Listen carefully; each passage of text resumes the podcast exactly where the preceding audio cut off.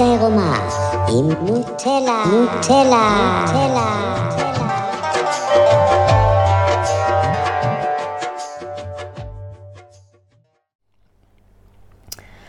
אז אני לא יודעת אם אתם מתחברים לאסטרולוגיה או לא, אבל אה, אני מזל הקרב ואני אופק מאוזניים, ואיזשהו משהו שכזה תמיד ליווה אותי בחיים, שאיכשהו במהלך הדרך חיברתי את זה בכלל. זה הקלף של הצדק בטארות, שיש שם כזה גם שני מאוזניים בציור. ובמהלך השנים אה,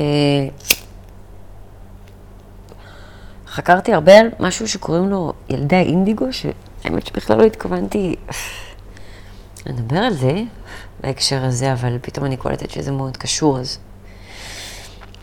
לא יודעת, תמיד כזה, אני ילידת 84, זה אומר שאני בת 36 היום, או אהיה בת 37, והתעניינתי כזה בתודעה ומדיטציה וכל ה... לא יודעת, תחום הזה, אפשר להגיד, מגיל ממש צעיר, כי זה איכשהו הגיע אליי,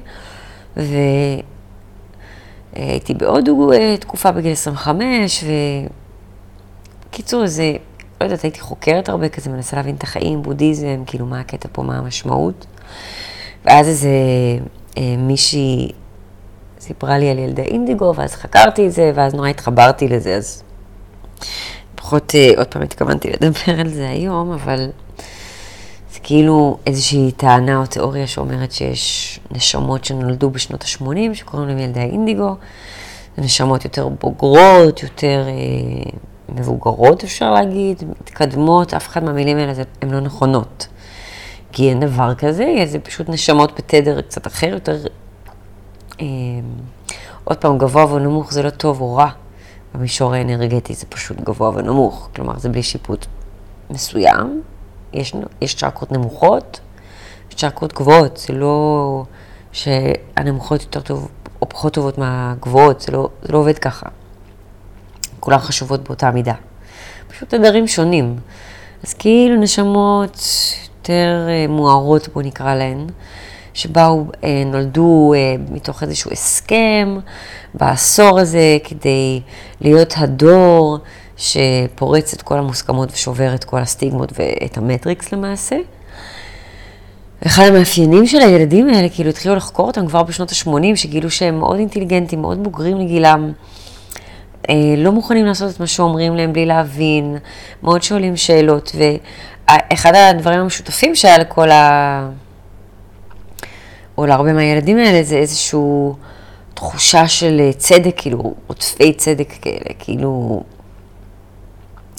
כל הזמן אה, מצביעים על מה לא עובד, על מה לא מאוזן, על מה לא מוסרי, על מה לא צודק, כאילו מתוך איזשהו דחף פנימי כזה של, של אמת, בתכלס, שעל זה כן רציתי לדבר היום. וצדק זה מילה שאולי קצת בעייתית. יופיטר, הכוכב, זה כאילו, פחות אני מתכוונת לזה. כאילו, מי צודק? כי mm, בסוף כולנו צודקים. מהו נקודת מבט שלנו? זה יותר אה, אצלי מתקשר לאמת, ואני לפעמים מרגישה כאילו מין מחויבות רגשית לאמת. עכשיו, בן אדם יכול להגיד שאמת זה עניין סובייקטיבי, ו... וזה נכון. אמת זה באמת עניין סובייקטיבי, אז אני פחות מדברת על אמת כזאת, אה, כי האמת שלי אולי לא האמת שלך, וזה בסדר. אה, בן אדם שעובד בלילה יכול להגיד לך שביום הוא ישן, ובלילה הוא ער, והלילה זה הזמן שכל האנרגיות קמות לתחייה, וזה הזמן של העשייה והיצירה, והיצירה וזו האמת שלו. בן אדם אחר שעובד בהייטק כל היום חושב שהוא משוגע, זה לא האמת שלו, לא יש אמת אחרת. אז על אמת אני לא, אין שם איזשהו ויכוח, כל אחד והאמת שלו, אבל יש אמת שהיא אולי יותר אה, מתקשרת למילה אותנטיות. אני לא יודעת, אה, יותר אמת פנימית. זאת אומרת, יש הרבה פעמים ורגעים שאנחנו משקרים. לא כי אנחנו אנשים רעים ולא כי אנחנו רוצים לעשות רע למישהו, אלא כי יש לנו איזושהי דמות בעולם לתחזק, וכולם מכירים אותי ויודעים את השם של הדמות הזאת, ויודעים מי אני, מה אני, מה אני עושה, איזה אופי יש לי פחות או יותר. יש לי דמות לתחזק בעולם, הדמות הזאת עובדת איפשהו, היא נשואה למישהו, היא אבא של מישהו, אימא של מישהו, יש לי דמות. והרבה מהפעמים, בגלל שאימצתי לעצמי במהלך השנים את הדמות הזאת, יש הרבה דברים שהיא עושה שלאו דווקא אני באמת הייתי עושה, או שאני באמת רוצה לעשות. אבל הדמות הזאת עושה את זה, וככה היא מכרה את עצמה לעולם באיזשהו מקום, והיא חייבת לעשות את הדברים האלה.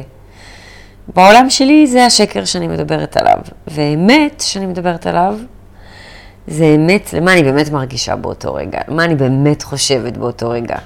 גם אם זה לא נעים, וגם אם זה מביך, וגם אם זה קצת מוזר, עדיין יש איזושהי אמת בתוכי, שרוצה לבוא לידי ביטוי, שרוצה להיות לגיטימית, שרוצה לקבל מקום בעולם, שעושה לי טוב. אמת שעושה לי טוב. כי כשאני באמת שלי, אני אומרת את האמת שלי וחיה את האמת שלי, זה כיף. כאילו, אין דרך יותר טובה לתאר את זה. אני יכולה להתפלסף ברמה רוחנית, תודעתית, לדבר על זה, אבל למה? זה פשוט יותר כיף בחיים. אני אומרת את זה מניסיון, לא כי זה איזשהו קונספט יפה שקראתי באיזה ספר. אני חייתי רוב החיים שלי עם המון שקרים והמון דמויות שהייתי צריכה לתחזק. וזה מאוד מאוד קשה להוציא את האמת הזאת החוצה ולחיות מתוך האמת הזאת בעולם שלנו היום. מאוד קשה. ויש כאלה שאפילו יגידו שזה בלתי אפשרי, כי סוסייטי, כאילו החברה מצפה מאיתנו להיות בדמות מסוימת. והיא דורשת את זה מאיתנו באיזשהו מקום, וכאילו עולה לי גם על קצה הלשון להגיד, כופה את זה עלינו, וזה לא ממש מדויק, כי אין אף אחד עם אקדח שעומד איפשהו ומאיים עלינו שאנחנו חייבים להיות ככה, זה, זה לא ממש כפייה כזאת, אבל זה מין אולי כפייה תודעתית של כל מיני רעיונות וסיפורים שמספרים לנו מאז שאנחנו קטנים, שגם להורים שלנו סיפרו אותם וגם להורים שלהם, וזה איזשהו תכנות מאפס, מה שנקרא, זה כאילו, מהרגע שאנחנו בכלל ברחם, כבר אז מתכנתים אותנו באיזושהי צורה. אנחנו שומעים את הסביבה, מתייחסים אלינו, שולחים אלינו כל מיני אנרגיות. אומרים שלבנים, אה, כשיש אישה בהיריון ויש לה בן, אנשים בסביבה מתייחסים לעובר כבר בצורה שונה, לבטן, אחרת מאשר אם יודעים שזו בת. סתם כל מיני תכנותים כאלה מאוד בסיסיים שאנחנו מקבלים ממש מאפס.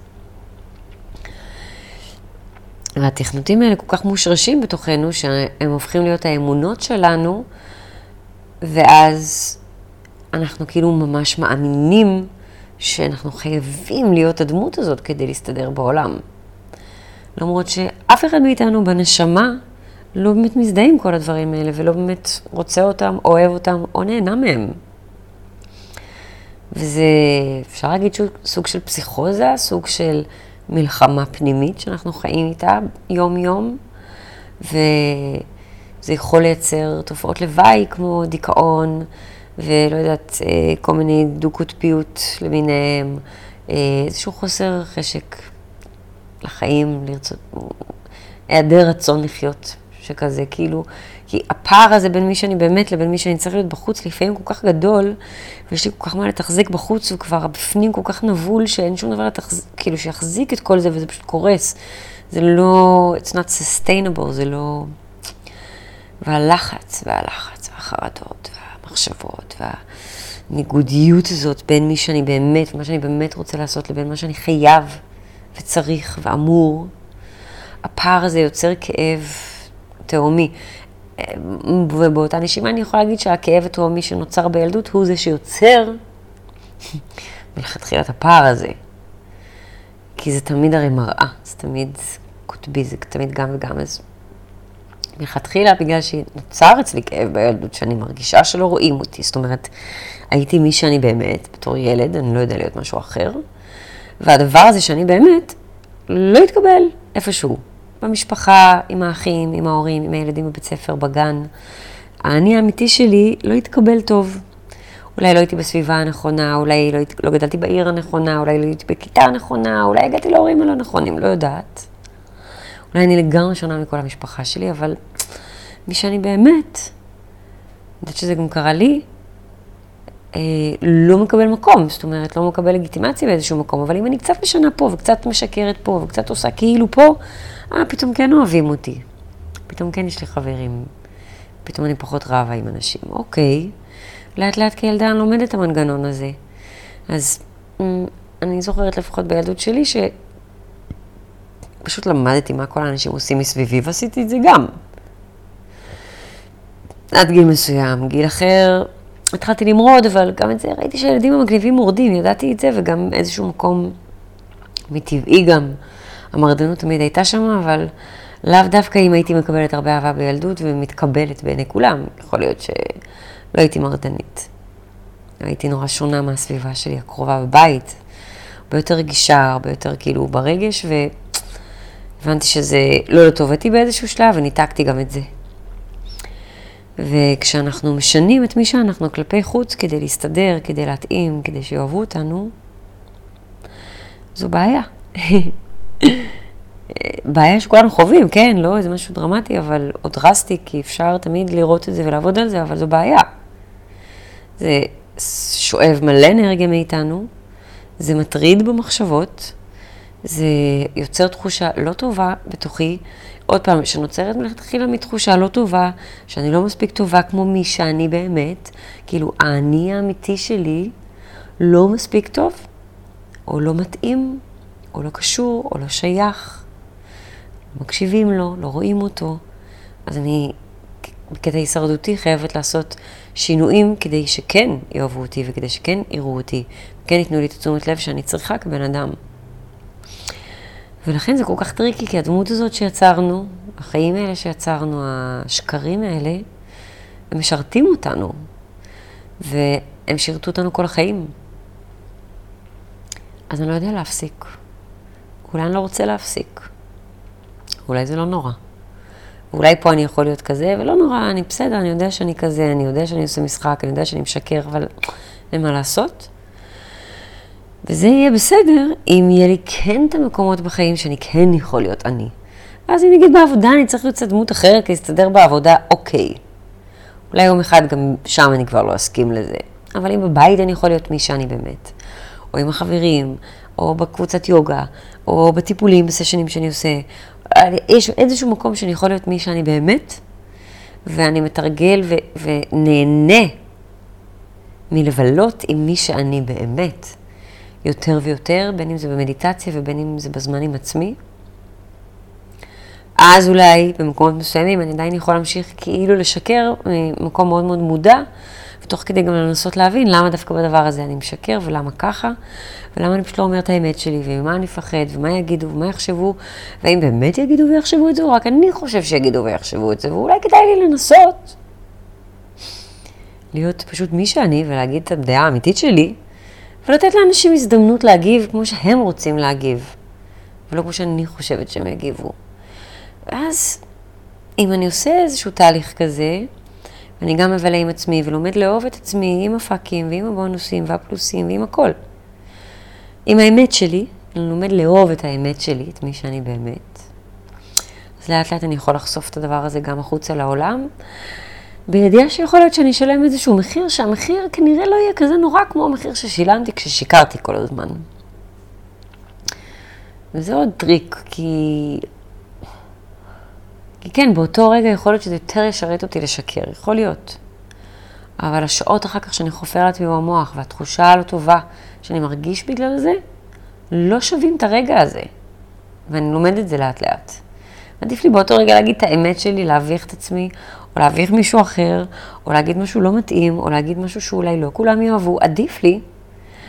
כי אחר כך אני מרגיש נקי, כי וואלה, לפחות אמרתי את האמת שלי. אני מרגיש טוב עם זה, זה עושה לי טוב. ואם כולם מסביבי הגיבו לא טוב, אז אולי הסביבה הזאת גם קצת פחות מתאימה לי, ואיזה יופי שגיליתי את זה בזכות זה שפשוט אמרתי את האמת שלי.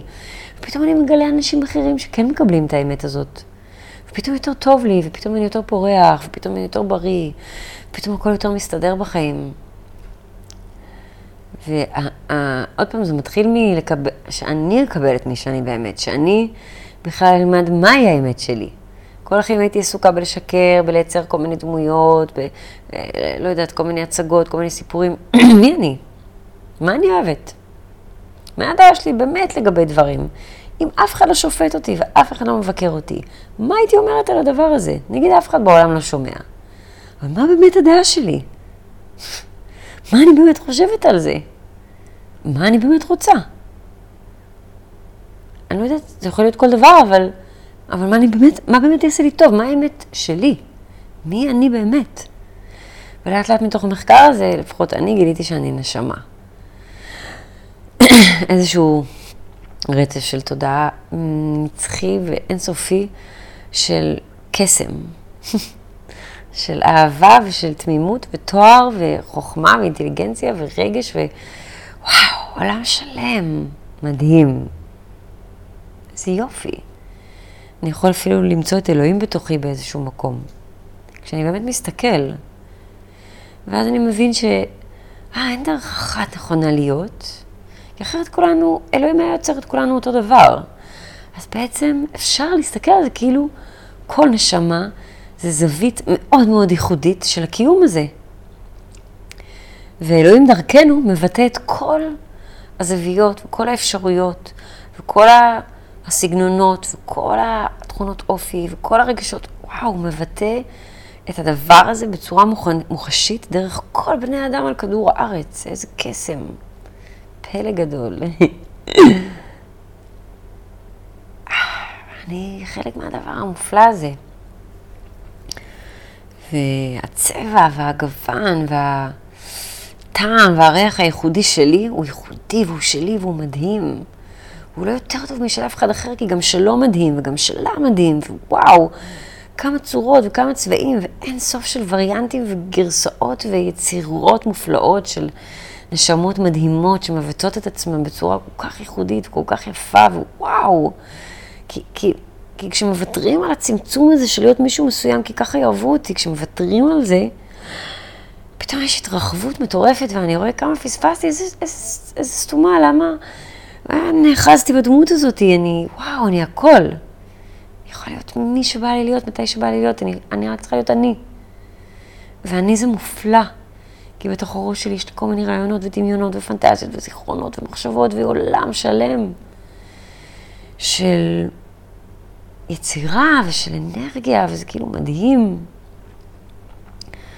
אז כשאני מוכן לוותר על השקר, שזה הצמצום, השקר, הדמות, הדבר הזה שאני כאילו נאחז בו כדי להרגיש אהוב מהבחוץ, ואני מתקרב יותר ולאמת שלי ולבפנים, ואני רואה את הפלא הזה שהוא אני, פתאום יש הקלה מסוימת. פתאום יותר נוח לי להיות מי שאני באמת, בכל מיני סיטואציות, ליד כל מיני אנשים. בכל רגע נתון כבר פחות משתנה, זה פשוט אני. ולא יודעת, לפעמים אני ככה, לפעמים אני ככה, לפעמים אני שמחה, לפעמים אני עצובה, לפעמים אני כועסת, לפעמים אני צוחקת. אני כל הדברים האלה, כל הדברים האלה הם מי שאני. אני לא צריכה להיחס באיזושהי דמות כדי שאתם תאהבו אותי. למה? זה לא אני. ומי שאני זה מופלא. ואם מישהו רואה את מי שאני באמת ולא אוהב, זה בסדר גמור. ואני לא יכולה להכריח אף אחד להתחבר ולאהוב אותי. רק אני יכולה לבקש את זה מעצמי. ואני מרגישה, כאילו אם אני מסתכלת על זה מהצד, שהגישה הזאת וכל העבודה שאני עושה, שזו עבודה של אמת, של עירום, עירום רגשי, שאני יכולה רק להגיד תודה למורה שלי שלימד אותי את הדבר הזה, וואו, איזה יופי. אז האמת והעירום הרגשי מביאים אותנטיות שהיא ממכרת, והיא סוחפת, והיא מושכת אליה. ואנשים נמשכים אליה, ואנשים סקרנים לגביה, כי הם גם רוצים. וזה זה, זה מוזר, כי הם לא ראו את זה אף פעם בשום מקום. הם פתאום רואים את זה, פתאום קולטים שזה קיים. ובדיוק דיברתי עם זה, על זה עם מישהו השבוע, שכאילו כשפגשתי את המורה שלי, הוא פשוט היה מאוד נוכח ברגע, מאוד מחובר לרגש, ומאוד מאוד אמיתי ואותנטי באמת שלו, ברמה הכי קיצונית שראיתי בחיים שלי, ברמה שזה כאילו הביך אותי עד כמה הבן אדם שמולי באמת שלו. זה הביך אותי. מרוב שהייתי רחוקה מזה. ובאותה מידה שזה הביך אותי, זה סקרן אותי בטירוף, ופשוט היה בי חלק שאמר, זה מה שאני רוצה, אני רוצה להרגיש ככה. אני רוצה להיות ככה. ככה כמו שהוא. ותוך כדי ההיכרות איתו הבנתי שזה גם האופי והנשמה המופלאים שלו, אבל בעיקר, או לא בעיקר, אבל כל זה יוצא החוצה בעצם לעולם בזכות המדיטציה ובזכות ההתבוננות, בזכות העבודה עם האנרגיה, בזכות החיבור חזרה לרגש, בזכות השקט הפנימי והחיבור לאלוהים וליקום ולהכל, ו, ו, והלכתי אחריו פשוט. כי רציתי את זה גם, וכי מימיי לא פגשתי מישהו כזה, שחי בתוך האמת הזאת. לא פגשתי, לא... שמעתי, קראתי ספרים על אנשים, על מורים וזה, זה רחוק. לא פגשתי מישהו כזה. שמעתי עליהם, קראתי עליהם, לא באמת פגשתי. וכמעט כל מורה בדרך שפגשתי, מצאתי בו משהו לא... לא אמיתי, משהו לא באמת, משהו לא אותנטי. ואצלו לא מצאתי. וזה רק המשיך והמשיך עד היום. ואני היום מסתכלת על עצמי, ואם אני כאילו רואה את הדרך שעברתי ואת העבודה שאני עושה עם אנשים ואת המקום שאני נמצאת בו, אני יותר קרובה לשם מאי פעם. אני לא שם, אני לא יודעת אם אני ממש אהיה שם עד הסוף. אה, אני לא יכולה לדבר על החוויה שלו, אבל אני מדברת עליי. ואני, אבל כן יכולה להגיד שאני הכי קרובה לזה שהייתי בחיים שלי, ו, אה, וזה מרגיש מדהים, וזה מביא המון אור ואהבה ושפע ובריאות ושמחת חיים ורוגע ושלווה ו... ו... וכיף, בעיקר כיף.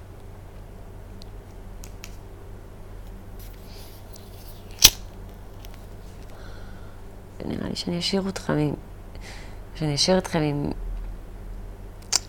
המחשבה הזאת של, של כיף. כי היום בדיוק מישהו אמר לי בסשן שהוא באמת גדל על המשפט הזה של כאילו, אין מה לעשות, לפעמים בחיים סובלים, לא הכל כיף בחיים, אה, בשביל אה, להרוויח כסף צריך לעבוד קשה וצריך לסבול לפעמים, ואין מה לעשות. ו... וזה לא נכון. אולי במטריקס זה נכון, לא יודעת. פגשתי מישהו שזה עבד לו עדיין, והיה בריא ושמח בו זמנית. כי אולי יש כאלה שעובד להם, אבל לא יודעת לגבי הבריא והשמח. אולי, אולי, לא יודעת. אבל, אבל זה לא נכון בעיניי. ומהנקודת מבט שלי, דווקא כשנהנים ממשהו ועושים אותו בגלל שהוא כיף, דווקא אז ההצלחה והשפע מגיעים, ולא הפוך. וזו נקודה לחשוב עליה. כי אני יודעת שאני אני בטוח חשבתי עליה המון. אה, תודה שהקשבתם, אתם מקסימים. אה, המון המון המון בהצלחה בדרך שלכם.